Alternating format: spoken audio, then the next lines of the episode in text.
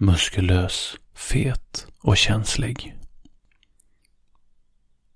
Jag skrev en dikt om att vara fet, om att vara muskulös inunder och om att vara känslig innerst inne.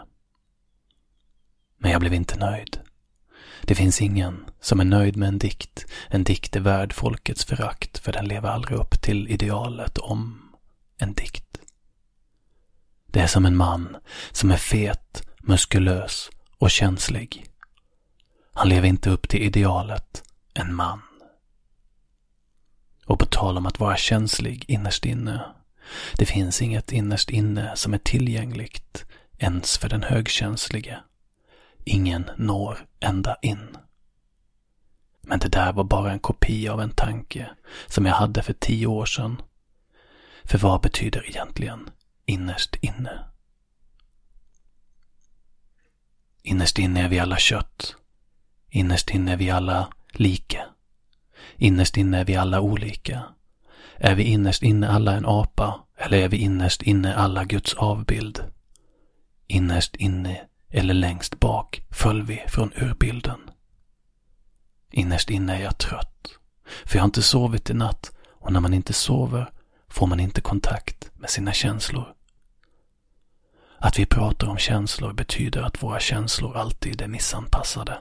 För människan älskar att vara missanpassad. Men hon står inte ut att vara ensam. Skit blandar sig med ljus. Och om ljuset i dig är mörker, hur mörkt är då inte mörkret? Jag lärde mig spegla mig i svarta speglar och nu är världen en likgiltig plats. Graven är overklig och vaggan är overklig. Och själv är jag overkligast av alla. Innerst inne är vi alla innerst inne. Och ytterst är vi alla ganska ytliga. Och det oreflekterade livet är det högsta fast än på ett upphöjt sätt.